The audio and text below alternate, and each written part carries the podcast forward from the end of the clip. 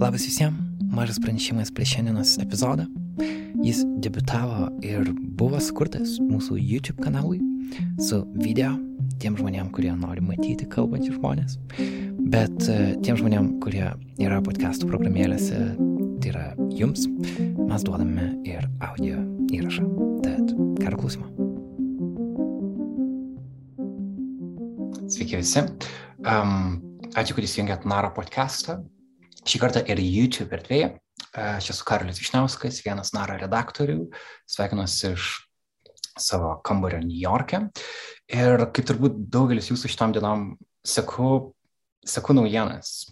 Visų pirma, iš Ukrainos, bet taip pat bandau suprasti didesnius geopolitinius procesus, kurie vyksta šiais na, pastaraisiais mėnesiais. Ir um, kada šitie klausimai iškyla man, aš žinau vieną žmogų, kuriam visada galiu paskambinti ir uh, gauti nuomonę, kurią pasitikiu. Ir žinau, kad jūs, uh, naro klausytojai, šitą žmogų gerai pažįstat. Galbūt ne visi yra matę video, tai labai smagu, kad šiandien turėsim šitą formatą. Tai yra Marylando, Marylando universiteto vyriausiai mokslininkė, saugumo specialistė Eglė Elena Murauskaitė. Labas, Eglė.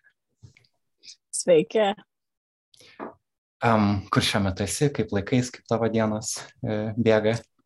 Gyvenu namuose, kaimo aplinkoje ir taipgi stebiu situaciją ir konsultuojame su kolegom apie esamą padėtį. Na, komentuoju ne, ne taip retai ir žiniasklaidoje, bet iš tikrųjų matau, kad yra kilę nemažai, mano nuomonė, nepelnytos panikos ir nu, tikrai yra perkaitinta ta situacija. Čia kalbant apie reakcijas į tai, kas vyksta Ukrainoje. Žinoma, padėtis yra rimta, bet aš jau nuo kokių 2014 metų kalbėjau, kai tik prasidėjo tie Rusijos veiksmai, kad na, Lietuvos tokie bandymai išlaikyti visuomenę aukštoje parengtyje, nu jie neišvengiamai tiesiog kaip perlenkta šakaluš. Ir, mm. nu, taip matom, kad ir vyksta, kad nu, tiesiog atrodo persisotinimas yra viešo erdvėje, va šitą visą panikėrišką informaciją. Aha. Um, tai iš esmės yra trys temos, kurias noriu giliau mm, išnagrinėti šiandien kartu su tavimi. Tai yra, taip, tai yra Ukrainos klausimas, bet taip pat reikia paliesti Kiniją ir taip pat man labai yra įdomus savo požiūris į apskritai toks labiau paradigminis matymas dabartin, geopolitikos dabartinės, kuris yra kitoks negu įprasta ta dar, atrodo, nuo šaltojo karo laikų ateinanti paradigma, kurią mes kurią Lietuvos politikai vis dar mėgsta ir kuri gal natūraliai mūsų tokiam pokalbėje egzistuoja. Bet iš ties pradedam nuo Ukrainos ir dar su klausytoju mes kalbamės vasario 8 dieną. Uh, greitai įvykiai gali keistis, tai tiesiog turėkite tai omeny.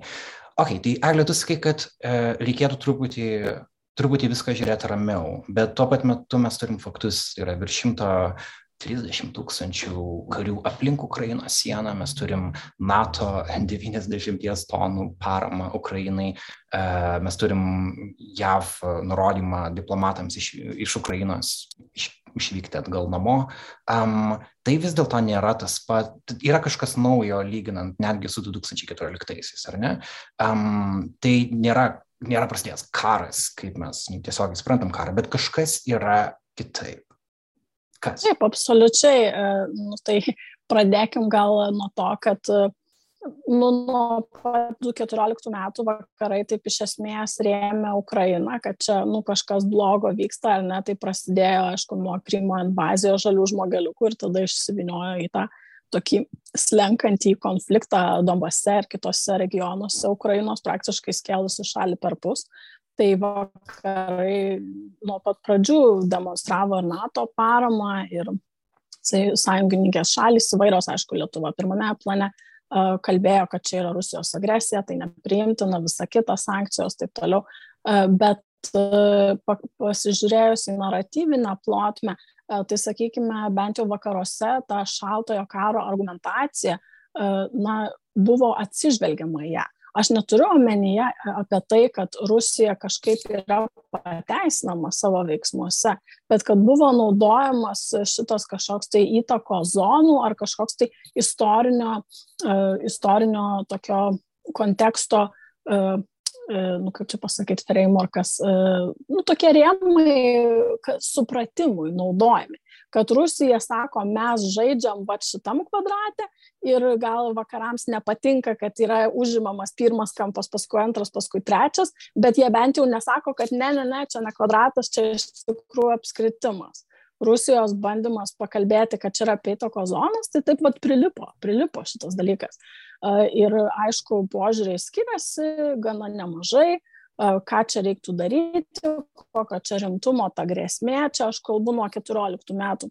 Bet būtent va šitoj va naratyvo plotmiai sunku rasti ir vakarams kažkokį konstruktyvų savo, savo naratyvą, kas vyksta, kodėl vyksta ir ką mes galėtume daryti, kad vyktų kitaip, o ne tik tai atmušinėti Rusijos išlendant į kiekvieną naują kažkokią tai ar dezinformaciją, ar, ar veiklą kažkokią tai, ar ne. Tai čia visų pirma tai kaip mes dabar matom ką vat nuo dvidešim pirmų metų tai praktiškai visais dvidešim pirmaisiais vyko dideli judėjimai technikos karių įvairios smulkesnės pratybos kas viskas buvo dvidešim pirmųjų zapado dalis tai tas pats zapadas jau į rudenį tik tai išsivyniojo, bet jam ruošiamasi ir va technika viskas buvo įdoma visus metus.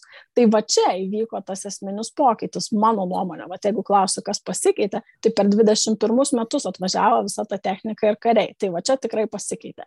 Ir aišku, Baltarusijos pasikeitė situacija, nes tikrai Lukašenka, kuris, kaip nekartą jau buvau minėjusi, anksčiau dar kažkiek tai bandė balansuoti tarp rytų vakarų, tai jau, sakykime, gal nebūtinai savo noro ar dėl kažkokių tai čia stebuklingų strateginių savo išvalgų, bet tiesiog visiškai krenta į Putino įtako zoną ir man, nu, tiesiog kaip jau kokią juodąją stylę įtraukia ir jis nelabai ten gali daugiau ką padaryti. Tai, sakykime, šitokio, šitokio masto, ką mes matom dabar, kariniai, kariniai veiksmai Rusijos, Baltarusijos teritorijoje. Nu, va čia tai irgi tikrai yra nauja. Tai dabar, va irgi vasario 8 dieną, kaip mes kalbamės, ar ne, už poros dienų turi prasidėti Rusijos, Baltarusijos naujos pratybos paskelbtos.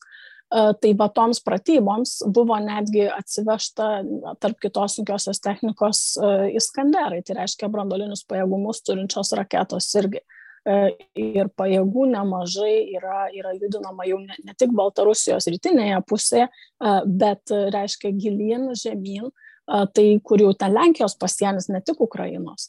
Tai čia Lenkai yra didžiai sunerime irgi dėl šito. Tai va čia irgi yra nauja. O, o apskritai tariant, va jeigu trupučiuką atsitraukiant nuo tų tokių nudieninių realijų, kad persvaros tai ne viena pusė kaip ir nepasiekė aš jau nekartą sakiau, reikės man pradėti stiklainuką, e, ar bus karas, kiekvieną kartą, kai gaunu šitą klausimą, klausėjas, kad įmestų tenais po eurą. Tai, nu, nes iš tikrųjų labai jau kažkaip atrodo, kad čia jau praktiškai nebegali būti kitaip, bet iš tikrųjų tai gali čia yra vis tiek nu, nemaža dalim medijos konstruktai, nemaža dalim žmonių lūkesčių, va to tokio nuovargio, nuolat, nuolat kaistančios situacijos jau atrodo nori kažkokio išrišimo, bet nu, tai taip veikia psichologija. O šiuo metu tikrai yra labai intensyvios diplomatinės darybos, apie ką mes dar kalbėsim. E, ir aš noriu va čia pasinaudodama progą trupučiuką papasakot apie vieną mūsų tyrimą išspausdintą šiais metais. Tai žodžiu, aš specializuosiu pilkosios zonos konfliktų studijose, va tai tas ir yra, ką mes matome, ar ne, įvairaus karštumo situacija kažkur tarp taikos, bet dar tikrai ne kare. Tai ta va tokia pilkoji masė, jinai gana platus yra spektras.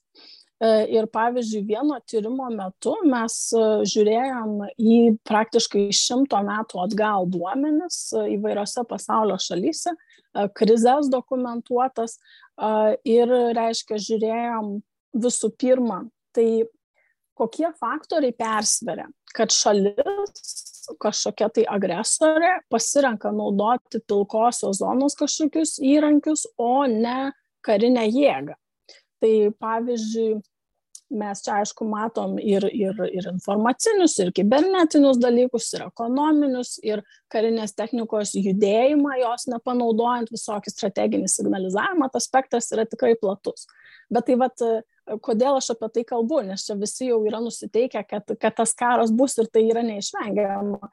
Bet pavyzdžiui, jeigu žiūrint į istorinius duomenis, ne tik tai į, nežinau, intuicijas ar nuomonės, tai nu, tikrai nebūtinai taip atrodo. E, tai pavyzdžiui, mes pamatėme iš istorinių duomenų, kad e, paprastai valstybės, e, kai jos susiduria su silpnesniu priešininku, tai nėra jos linkę panaudoti visos maksimalios jėgos. Yra panaudojama iš jų arsenalo proporcingai mažiausia, kas atrodo, kad užtektų pasiekti tikslus.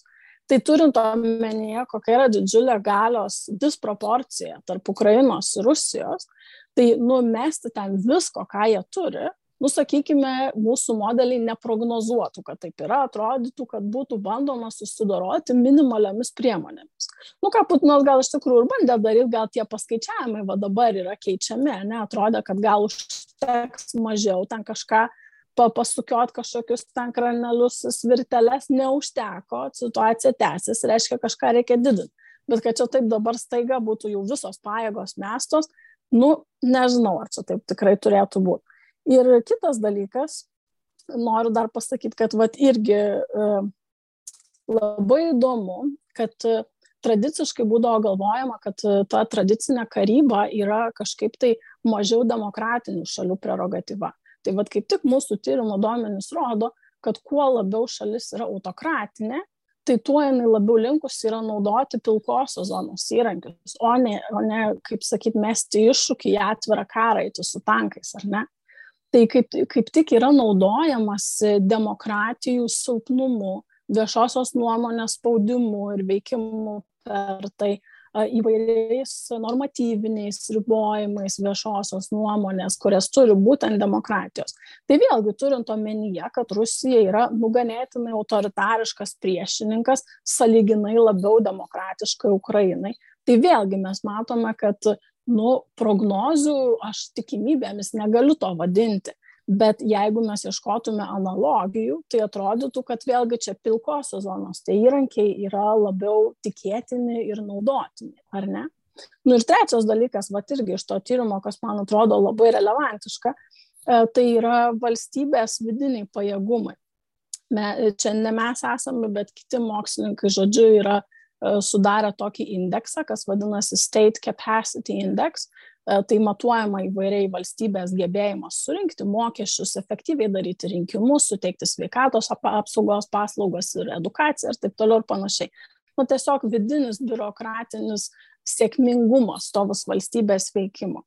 Ir vat matuojant pagal šitą indeksą, e, tai irgi praktiškai nu, mes matom, kad kuo valstybė yra silpnesnė, tai tuo jai yra sunkiau atsispirti bet kokiai krizai.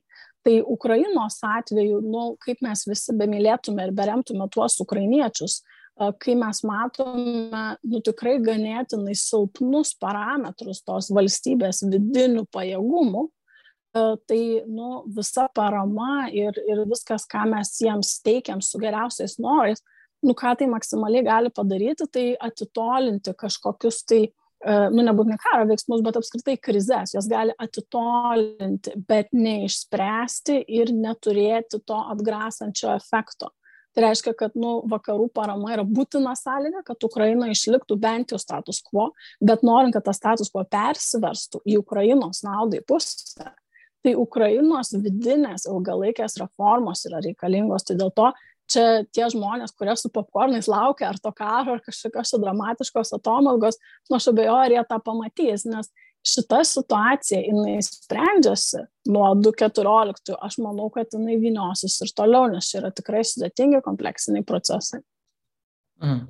Ir kai tu skai pilkoji zona, ar gali klausytojam truputį gal išsameu paaiškinti, ką tu turi omenyje, nes um, jeigu aš teisingai suprantu, yra tokia tiesiog suprantama karinė intervencija su uh, tankais, su taip kaip mes karą suprantame dar iš praėjusio šimtmečio. Bet pilkoji zona yra, ar tai yra tas pats, ką mes vadiname hybridiniu karu, ar tai yra dar kita kategorija?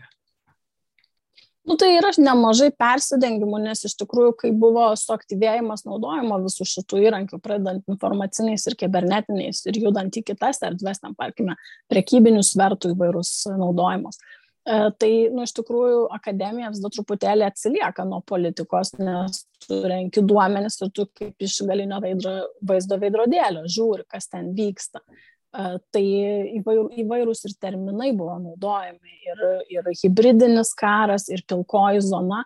Ir dabar, kiek matau, Amerikos gynybos ratuose yra nusistovėjęs terminas tiesiog konfrontacija žemiau karo ribos. Hmm. Tai konfliktai, konfrontacija žemiau karo ribos, nu, tai matyti ir apibrėžia. Tai, tai aš gal ten yra įvairios literatūros, kur analizuoja skirtumus, bet nemanau, kad čia yra esminis dalykas.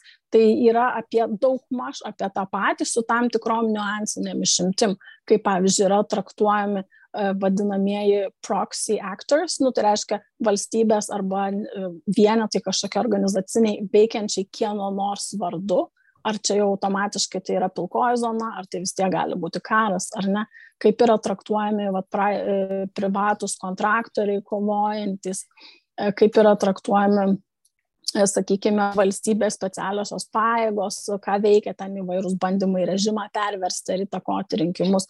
Tai čia nu tokios detalės detalės įrankių dėžėje, kad ar tu ten įdėsi tą atsuktuvą ar plaktuką, kokio dydžio atsuktuvą, bet esmė, kad vis tiek apie įrankių dėžę mes čia kalbame.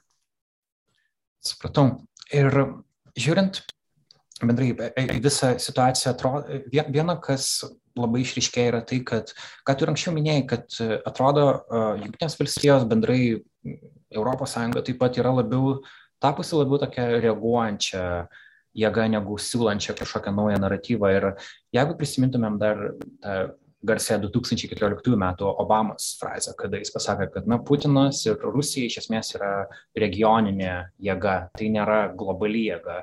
Ir dabar atrodo, kad tai nebėra tiesa, ar ne, kad um, kažkokiu būdu, um, žinai, mes dabar sakam, štai Makrono vizitas į Maskvą, Putino asmenybė ir tampa labai svarbia mūsų žinai, gyvenimuose kažkaip, nors uh, dar tad anksčiau atrodė, kad jis yra na, kažkoks politikas, kuris vedam neturi kažkokios aiškios strategijos, labai impulsyvus, iš jo Lietuvoje pokalbės iš jo dažnai yra toks, na ir kažkokia pašaipa, bet atrodo, kad jam pavyko su visais šitais metodais kažkaip išsikovot, kad žmonės su juo taikytųsi, na, kad politikai kreiptų į dėmesį. Tai mm, kaip, kaip, kaip, tu matai šitą situaciją? Ar mes tikrai kažkur užleidom Rusijai ir specifiškai Putinui teritoriją ir dabar, dabar bet įklimpę į tai esam ir, ir, ir ne, nežinom, kaip iš to išsikapstyti? Na, čia daug tų palėtė iš tikrųjų aspektų, tai pabandykim išpakuoti jos po vieną. Tai gal pradėkim nuo ją. E, tai izolacijų jau tikrai apkalbėtas yra ne kartą ir ne du, ir tai yra taip pat ilgalaikė kryptis mano stebima. E, ir jeigu net mes prisimintume rinkimus, tiek Obamos, tiek vėliau, e, tiek žodžiu, tai ir Bidenas, ir Trumpas, ir jų oponentai abu du sakė, kad mes norim mažiau, mažiau karinių amerikietiškų batų už Atlanto į visas puses ir į vidurio rytus, čia mes ne tik apie Europą kalbam. Ir žodžiu, kad norim fokusuotis į problemas namie. Ir čia vargu, ar mes galėtume tai vadinti kažkaip tai silpnumu, tai tiesiog yra prioritetų klausimas. Tai aišku, mes turime tokias ilgalaikės JAV problemas kaip ekonominė neligybė, kaip rasizmas. COVID situacija tikrai stipriai pakaitino tą uždengtą namuose puodą, kur daug žmonių ir darbus praradę ir, ir tie socialiniai įvairūs santykių niuansai tikrai nu, prosprogo daug, daug kur. Tai nu, ta izolacionistinė politika, jinai ir toliau išlieka populiari. Mes matėme dabar šiomis dienomis ir Lietuvos atstovų susitikimus ir raginimus remti labiau Ukrainą e, ir apskritai raginimus aktyviau ją įsitraukti į Europos kontinento saugumą tai nu ką mes matom kad tie kariai yra siunčiami bet tarkime demokratinė pusė demokratų partija daug kas tam nepritaria o net ir respublikonų taip atidžiau paklausus man labai patiko čia man atrodo atlantik skaičiau interviu vieną kad žodžiu žurnalistas sako e, čia šitas respublikonas senatorius sakė kad va siųskim palaikykim bet kai aš paskambinau į ofisą tai sako nu iš tikrųjų tai gal ir kitos priemonės būtų efektyvesnės ir čia neskubėkim su tais kariais Tai, žodžiu, apetito didelio iš tikrųjų, nu, nėra kažkokiam kariniam veiksmam iš JAV pusės. Tai brangiai kainuoja ir finansiškai, ir politiškai, kai mes matome tas ar karių žūtis. Ir čia jau net ne apie karių žūtis, aš manau, kad čia jau darosi nuvalkiotas tas biški naratyvas. Aš manau, kad politiškai, kas pradeda brangiai kainuoti, tai vis demokratijoje tampa sudėtingiau ginti, ką tie kariai veikia užsienyje kiek yra prarandama politinio kapitalo taškų per visus skandalus, kur ten, e, nežinau, Pentagonas ar pelnytai ten drono kažkokiu tai smūgiu numušė įtariamą teroristą, jeigu žuvo ten 12 moterų ir 5 vaikai tame tarpe. Ar apskritai buvo teisėta į tokią ir tokią šalį siūsti tos dronus, rinkti netgi žvalgybinę informaciją kaip kariai elgesi tenais, kai būna įvairių, ar ten su narkotikais, ar su girtavimu problemų. Tai, nu, čia jokių būdų aš nesakau, kad visi dronų smūgiai nepateisinami, visi kariai ten kažkaip tai blogai daro.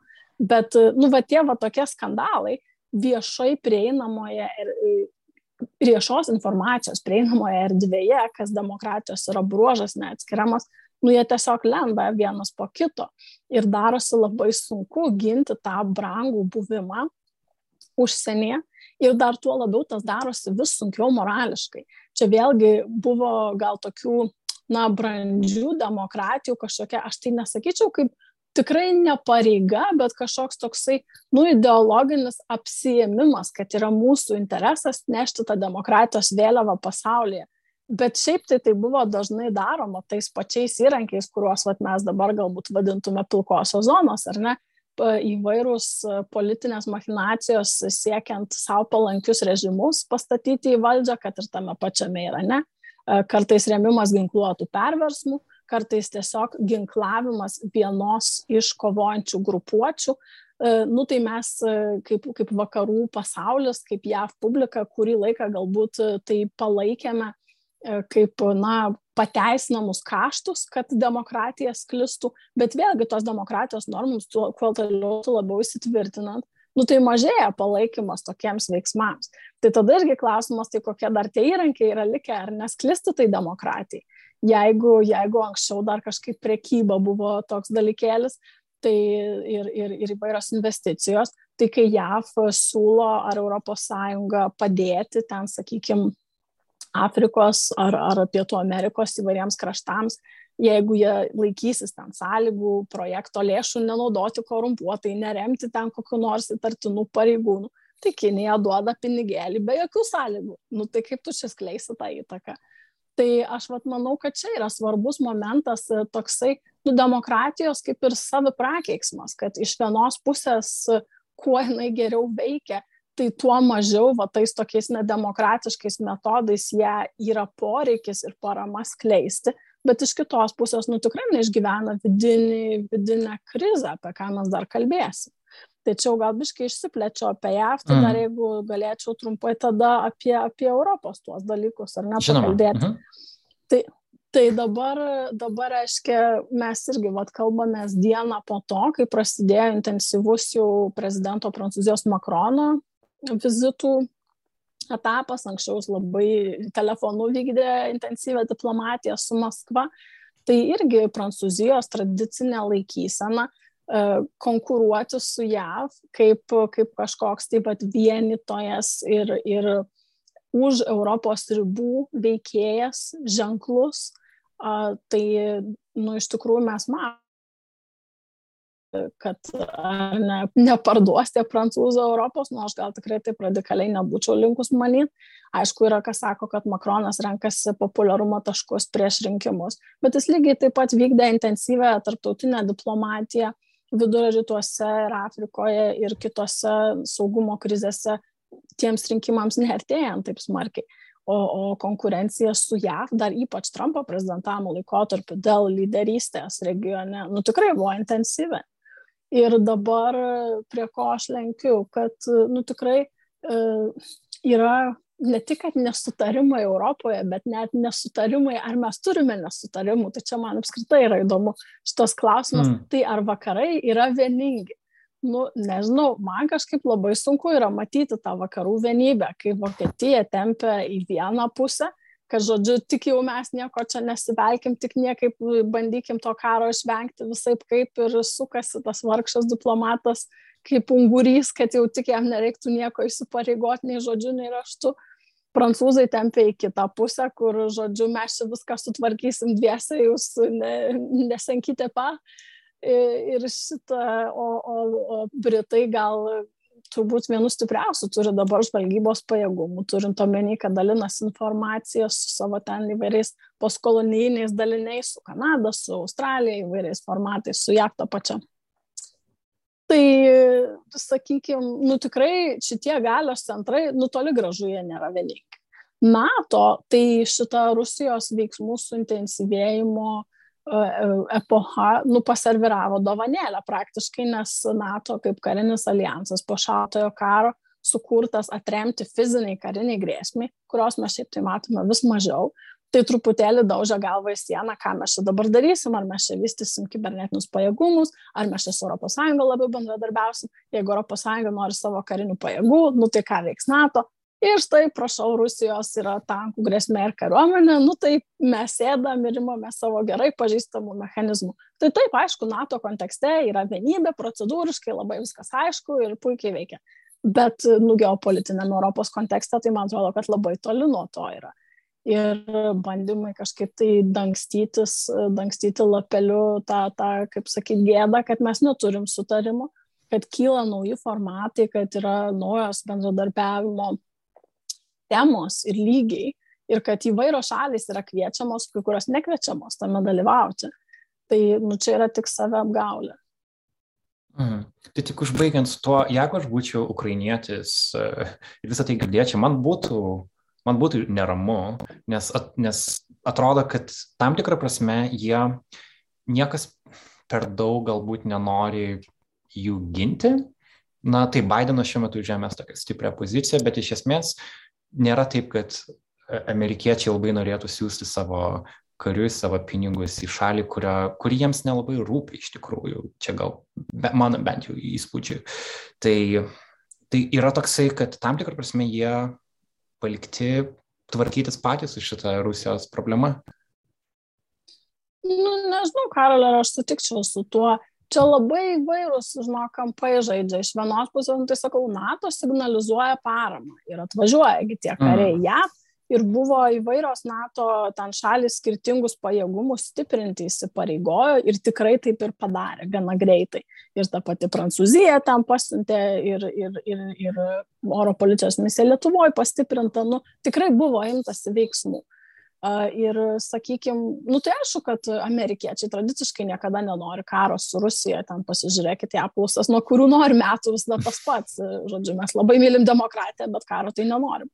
Bet kiek tai turėtų formuoti baimę ar drąsą Europos renkantis savo sprendimus, tai aš nežinau. Iš kitos pusės, tai nu, tikrai negalėtum sakyti, kad nėra kas nori ginti tą Ukrainą. Aš, sakykime, kai dariau prieš keletą metų tyrimą apie užsieniečius, kurie važiuoja kaip pavieniai kovotojai į Ukrainą.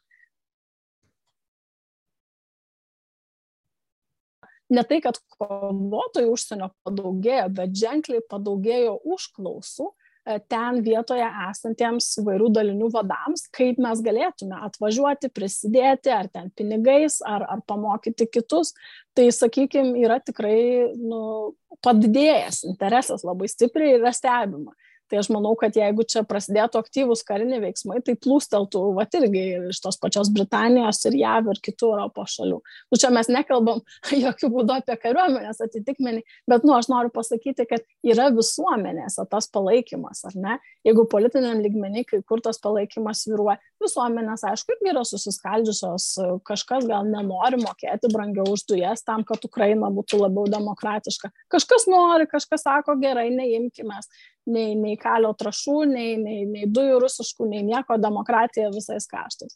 Tai nu, įvairi ta padėtis yra ir už tai mes ir turim tokius nu, besitęsiančius įvairiais formatais krizinius pasimatavimus. Kaip sekasi, kaip sekasi sutelkti visuomenę, kam, kaip sekasi kariuomenę, kam sutelkti, ar mes turim karinių pajėgumų, ar mes turim politinės valios jos naudoti, kokiu mes turim įrankių nu tai, tai spektaklis tebe vyksta. Supratau. Ok, pereikim prie Kinijos temos. Nors ją palies kaip, kaip, kaip ir visada su tavimi kalbantis. Ir šiuo metu prasidėjo olimpinės žaidynės. JAV nusintė savo sportininkus, bet ne diplomatus, ne, neišreiškė tokias politinės paramos tam. Rusija tuo tarpu, Putinas susitiko su Kinijos prezidentu. Tai um, ir, ir tarsi atrodo formuojasi jų dviejų tokia na, kažkokią sąjungą, kurią vėl galim matyti kaip prieš ant, tokią antivakarietišką jėgą. Kiek tas yra reali grėsmė, kiek tai yra tiesiog įprasta, įprasti politiniai manevrai. Nu, turbūt tiesa, kažkur yra per vidurį, jau daug metų yra nerimaujama dėl Kinijos ir Rusijos suartėjimo, bet tas suartėjimas vyksta labai lietai, nes e, gal didžiausia pagalba tam suartėjimui ir yra įvairios abiejų šalių konfrontacijos su vakarais formos, kad kai turim bendrą priešininką, tai kovai susitelkti yra lengviau, bet kai jeigu pamažėja kažkokios tai imanentinės grėsmės, tai konstruktyvaus bendradarbiavimo nu, nėra tiek daug, o ten tų sąlyčio taškų ir ideologijos yra pakankamai skirtingos. E, tai, nu, žinau, kaip vertinant Putino susitikimus su, su Kinijos lyderiu, tai yra Kinijos visai aiškiau reiškiama ta parama Rusijos veiksmams Ukrainoje ir gal net ne tiek parama Rusijai, kiek neparama vakarams ir NATO ir sakymas, mm. kad vakarų veiksmai yra agresyvūs, nepriimtini ir taip toliau. Tai, nu, tai šiek tiek turi kitą atspalvį negu sakymas, kad rusai čia labai viską gerai daro ir, ir, ir mes juos šimtų procentų palaikom. Tai bet, nu vis tiek aiškėja ta Kinijos pozicija, nes dar kurį laiką buvo lyg ir laikomasi nuo šaliau per tą patį Zapat, per, per ankstesnės, sakykime, konfrontacijos fazes, tai dabar aiškėja, kad Kinija vis tik yra prieš vakarus labiau, e, tai, tai nu ir pauzę. E, aš nemanau, kad yra kažkoks tai ar slaptas, ar naujai grėsmingas alijansas besiformuojas tarp bet jų tas bendradarbiavimas abipusiškai nu, tikrai yra naudingas kovojant su vakarais. Tai, tai vat, mes tą ir matom gal verta šiek tiek atkreipti dėmesį, kad, na, iš vienos pusės labai skirtingi yra veikimo modeliai. E, kai mes ateiname, sakykime, nuo 90-ųjų metų į daugmaž vakarietiškų brandžių demokratijų diktuojama tarptautinė santvarka, tai Rusija sistemingai bando tą santvarką sulaužyti ir pasakyti, kad ne, čia tos taisyklės yra netokios, mes tiesiog pervažiuosim su, su tanku per jūsų smėlio dėžę ir nieko čia nebus, ar ne? E, o Kinija tuo tarpu labiau yra pasirinkusi modelį, nu va, čia jūsų smėlio dėžė, jūs turit tokį tvarkaraštį, kada kas gali žaisti, nu tai gal mes irgi ateisim ir tik nebūtinai jums patiks mūsų žaidimai ar ne, bandymai yra labiau įsi, įsiterpti, labai suprasti, ypatingai teisėtvarką. E, ir dažnai yra netgi toks terminas angliškai lawfare, tai tokia teisė kara, ne teisė kūro, mm. teisė kara.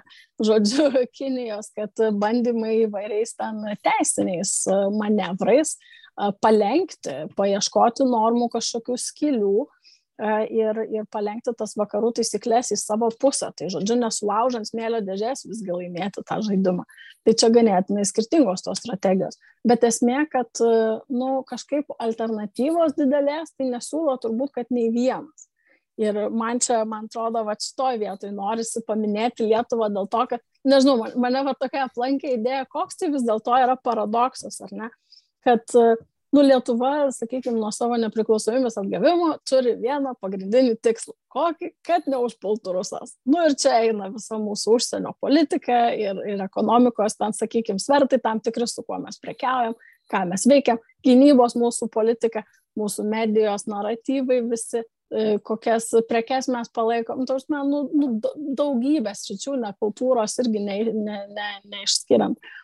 Tai, nu, šaltojo karo laikotarpiu tai buvo viskas labai faina. Ir iš esmės, kai pasaulis buvo padalintas įtako zonomis, tai būti demokratišku tokiu diegu e, autoritaro pašonėje e, buvo remtina pozicija. vakarų, vakarų akimis. Užteko to, kad yra Lietuva demokratija, kad jie nemyli rusų taip labai ir, žodžiu, užteko to, kad, kad būtų užtikrinta parama, įvairūs fondai, įvairūs bendradarbiavimo formatai, e, kviečiama juos Lietuva ir taip toliau ir panašiai.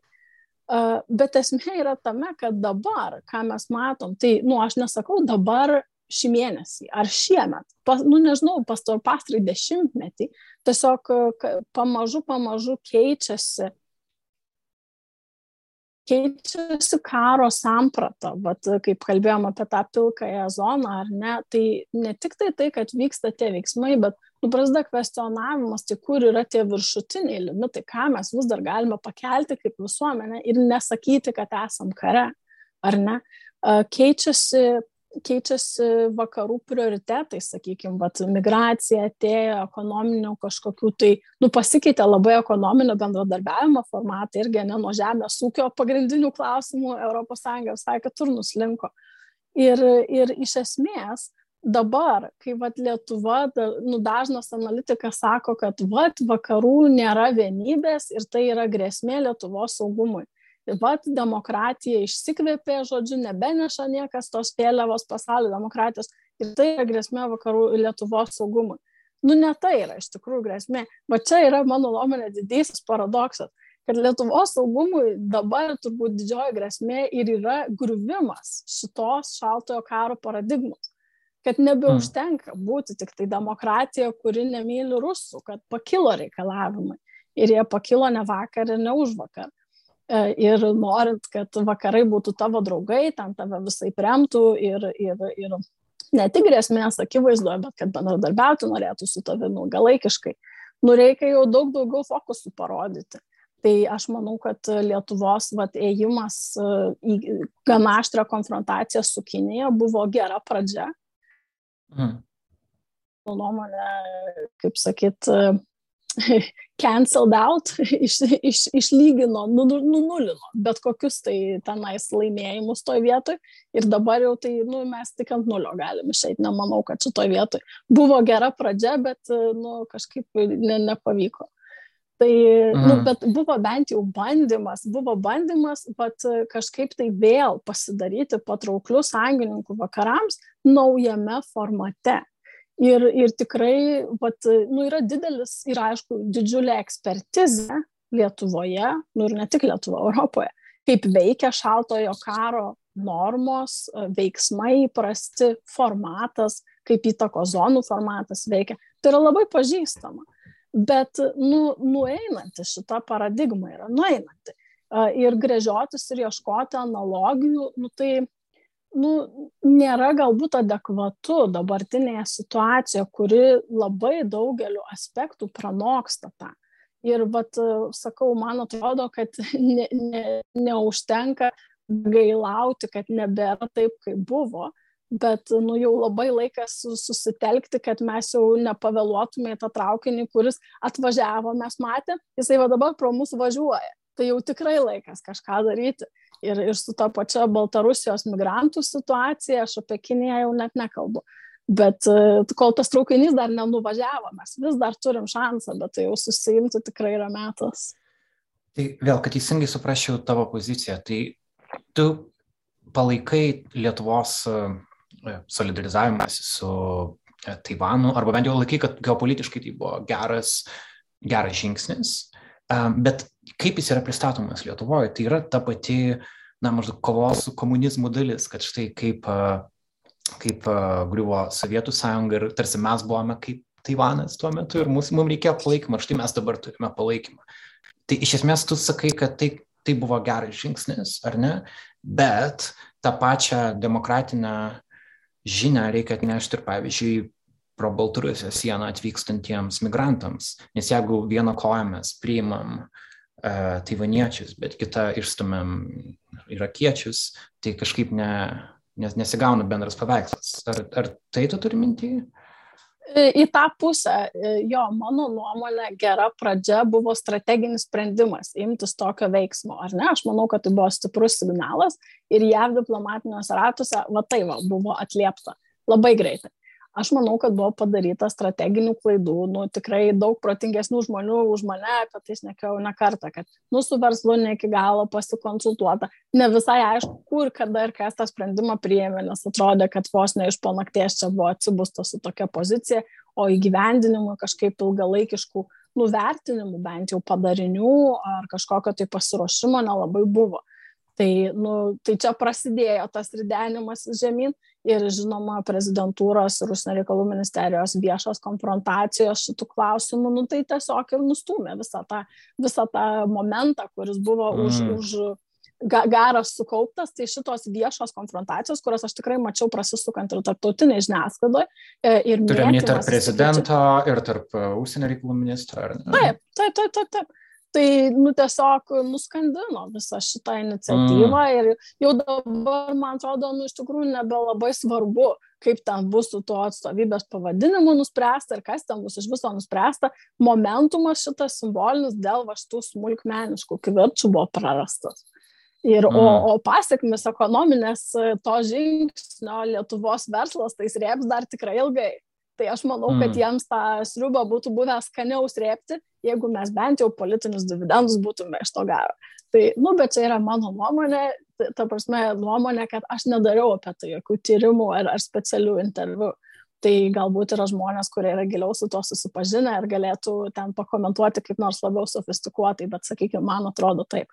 Bet iš kitos pusės absoliučiai tai, ką tu sakai, aš vėlgi pasikartosiu, man atrodo, kad demokratija, nu dabar tai nėra ta vėliava, kurią reiktų nešti. Ar Lietuvai, ar, ar, ar Amerikai, ar kam nors kitam kai dalykai veikia, tai jinai visai sėkmingai plevesuoja pati ir dar ateina ją pasižiūrėti o kai bandoma jinai yra sukišti per jėgą pro, pro langą išdaužtą ar duris, tai tikrai retai kada iš to kas nors gero pavyksta. Tai, bet žinoma, kad e, mums reikalinga nuosekli pozicija, jeigu jau mes bandome save brandinti kaip tas demokratijos šviturys, nors aš tam nepritariu, bet jeigu mes bandom, nu tai bandykim tada visais frontais. Bet, bet jeigu mes laikomės kažkokios tai nu, nuoseklios politikos, gali jinai būti ir kitokia. Tai tikrai tas nuoseklumas apsimoka.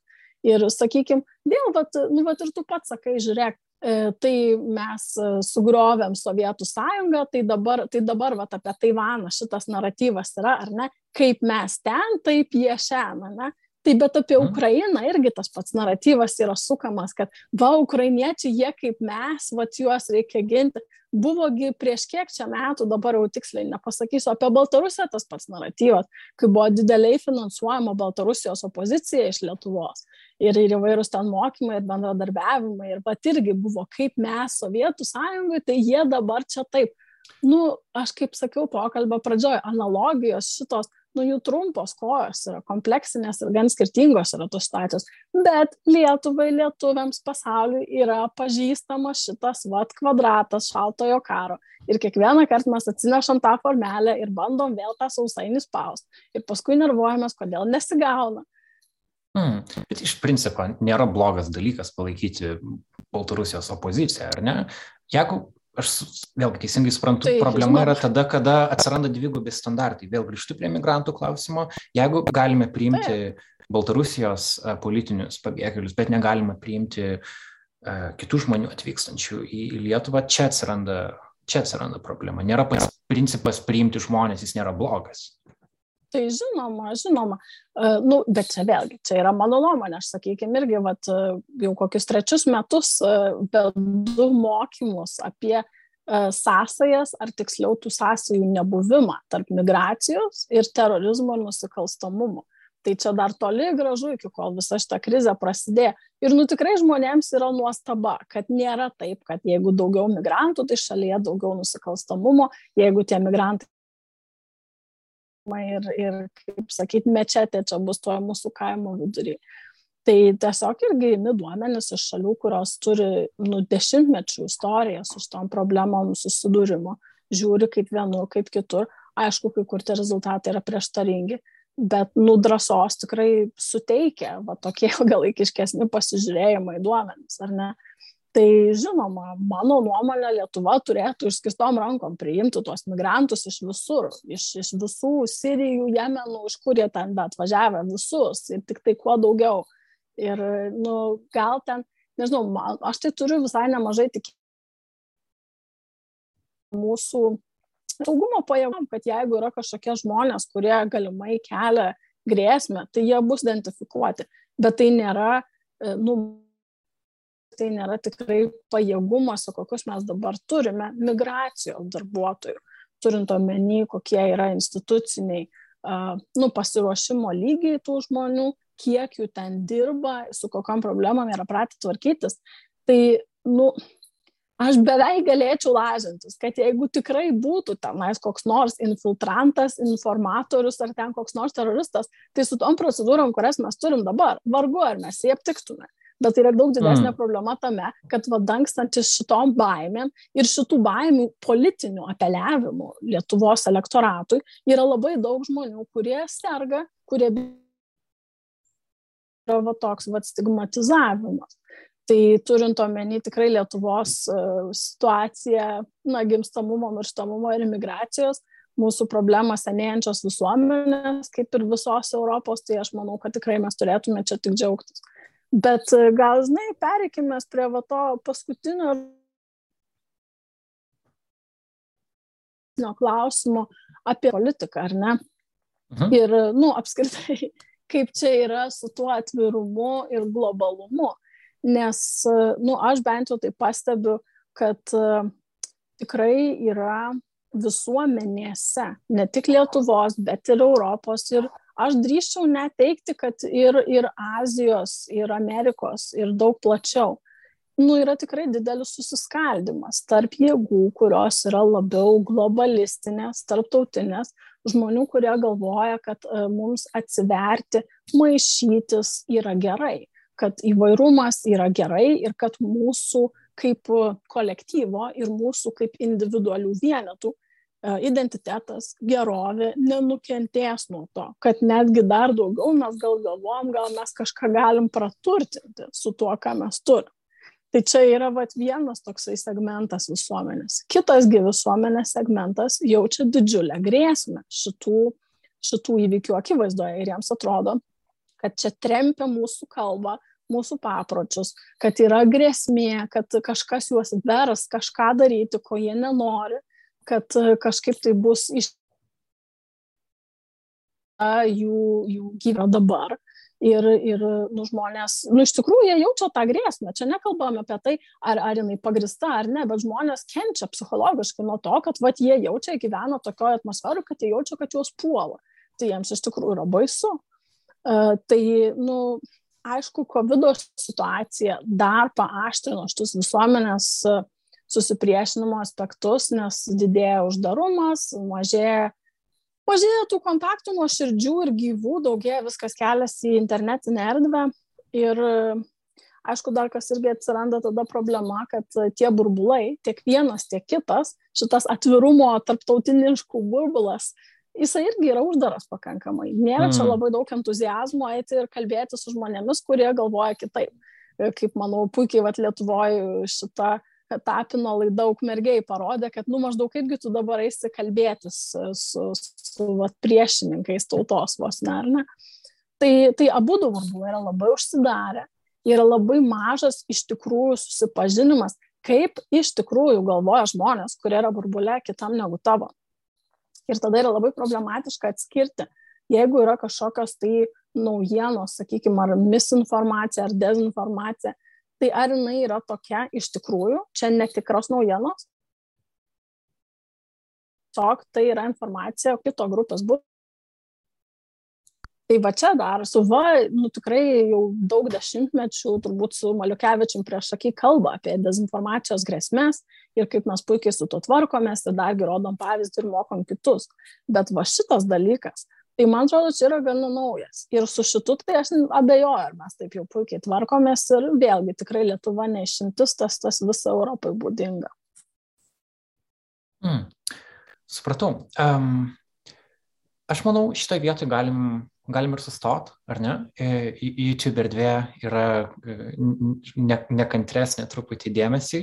Um, tai labai džiaugiuosi, Aglė, kad prisijungiai ir uh, aš manau, prateskim ir stebėkim įvykius toliau. Mane kaip suprantu, tu ramiai mėgi šitom, šitom dienom ir man pokalbis tavim mane kažkiek nuramino. Kaip suprantu, bendrai išvada, kad atrodo, kad visko vyksta daug, bet platesnių, tokių iš truputį atsitraukų žiūrint, nieko esmingai kitokio ne, neįvyko.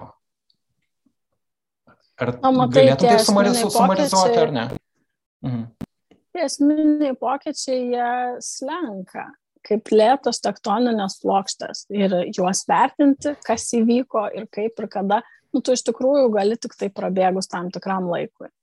Tai aš, vat, taip, aš manau, kad taip, dabar žmogui gyvenančiam Lietuvoje vidutiniam, kaip fizinė tiesioginė grėsmė, mano nuomonė, negresia šiandien ar rytoj. Apskritai prasme, yra karštų taškų gana netoli nuo mūsų, kur gyvena žmonės, kuriems grėsia tokios grėsmės. Tai kaip žmonėms, kurie laiko save demokratiškas vertybės propaguojančiais, ar humanistais, ar atviros širdies, tikrai yra metas susimastyti. Tai kur aš brėžiu ribą, kiek aš tos vertybės nešiu į savo veiksmus, ar ne? Tai jeigu aš labai religingas, tai ar aš galiu iš tos krikščioniškos širdies priimti kokį musulmoną, ar bent jau nuvežti ją mėgstinį, tai jeigu aš e, toks jau visas tarptautiniškas e, ir atviras ir pasiruošęs reformoms, tai gal aš galiu nueiti ir pasišnekėti kažkaip su kaimynais, kurie konservatyvesni ir galvoja, kad e, Lietuvai ir jos kalba yra iškilus grėsmė. Ir aišku, kai ateina rinkimai, kaip tie mano pasirinkimai atsispindi kandidatuose, už kuriuos aš balsuoju, kai ateina laikas pirkti kažką, kokių šalių ir gamintojų prekes aš renkuosi. Tai sakau, čia nėra apie tai, kad mums reiktų suskupti, pirkti grikius ar čia šuoliais pulti kažkokių radikalių reformų daryti. Bet susimastyti visada yra geras metas, nes tos linktis jos slenka. Ar mes darom kažką su tuo? Super. Ačiū, Arlė, labai už tavo laiką. Um, Ir ačiū visiems klausytojams, kurie, kurie buvo kartu. Mes šitą pokalbį patalpinsime taip pat į mūsų įprastą podcastų aplikaciją. Ir um, priminimas visiems, jeigu norite palaikyti mūsų darbą, patreon.com/nara.lt, ten galite tai padaryti Eglė Murauskaitė, Merlino universiteto vyriausiai mokslininkė. Ačiū Eglė ir iki kitų kartų.